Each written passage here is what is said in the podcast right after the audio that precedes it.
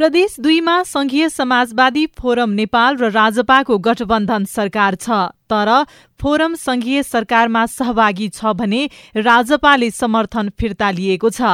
पछिल्लो निर्वाचनमा मधेसमा पकड बनाएका दुई दल पार्टी एकता गरेर थप बलियो हुन खोजिरहेका छन्। फोरमका केन्द्रीय सदस्य उमाशंकर अर्गरिया हामीले उहाँहरूलाई पत्र पनि पठाइसकेका छौँ। फेरि हामीले उहाँको जवाब दियौँ। सरकार छोडेर आउनुहोस् वार्ता गर्छु अनि हामीले भने कि पार्टी एकीकरण गर्नुहोस् त्यति बेला निर्णय गर्नुहोस् अनि सरकार हामी छोडिदिन्छौँ। सरकार ठुलो कुरा भएन फेरि त्यो लेटरको अहिलेसम्म जवाब आएको छैन। यसअघि गत असोजमा फोरमले एकतर्फी रूपमा एकताका लागि पहल सुरु गरेको थियो तर केही दिन यता पार्टी एकताका लागि राजपाको पनि सक्रियता देखिएको छ। उसले नयाँ शक्ति नेपाल सहित अन्य साना दलसँग पनि एकताका लागि समिति बनाएको छ।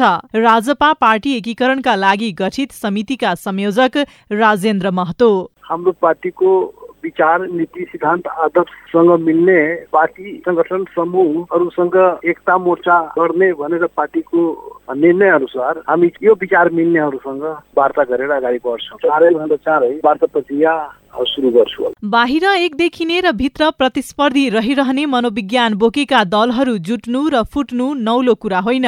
यसपटक फोरम र राजपा दुवैले अन्य दलसँग जुट्ने पहल गर्दैछन् तर पार्टी एकीकरणका लागि नयाँ शक्ति नेपाल भने तयार देखिएको छैन। नयाँ शक्ति नेपालका प्रवक्ता डम्बर खतिवडा। नयाँ संविधान र थ्रेसोल्डको व्यवस्थापछि धेरै दलहरू नेपालमा रहन सक्ने अवस्था देखिँदैन। तर त्यसको अर्थ विचार एजेन्डा सिद्धान्त मूल्य मान्य मान्यताहरू छोडेर गरिने एकताहरू दीर्घकालीन पनि हुँदैनन् र फलदायी पनि हुँदैनन्। त्यसैले अहिले हामी कुनै दलसँग त्यस्तो एकता आदि इत्यादिको प्रक्रियामा छैनौँ। सरकारमा सहभागी भएर पनि फोरमले संविधान संशोधन गराउन सकिरहेको छैन। केही दिन अघि समर्थन फिर्ता लिएको राजपा संघीय सरकारसँग चिडिएको छ। राजनीतिक उद्देश्य र बाटो फरक बनाएका दलहरू कसरी एक हुन सक्लान्? राजनीतिक विश्लेषक डाक्टर भोगेन्द्र झा। इस्युहरूको आधारमा गरियो त्यो इस्यु मात्र चुनावताका हुन्छ त्यसपछि सत्ता लिप्सा नै बढी हुन्छ। त्यसैले व्यक्तिगत स्वार्थलाई तिलाञ्जली दिएर जुन प्रतिबद्धता हो सिद्धान्त निष्ठता हो त्यहाँ यदि आरूढ भएर लाग्दैन नेतृत्व पक्षहरू भने एकता सम्भव हुँदैन। सरकार बाहिर हुँदा नजिक रहने र सरकारमा सहभागिता भएपछि टाढा बन्ने मधेसवादी दलको पुरानै समस्या हो। फोरम र राजपा यो समस्याबाट तत्काल बाहिर आउने अवस्था नरहेको विश्लेषण भइरहेको छ।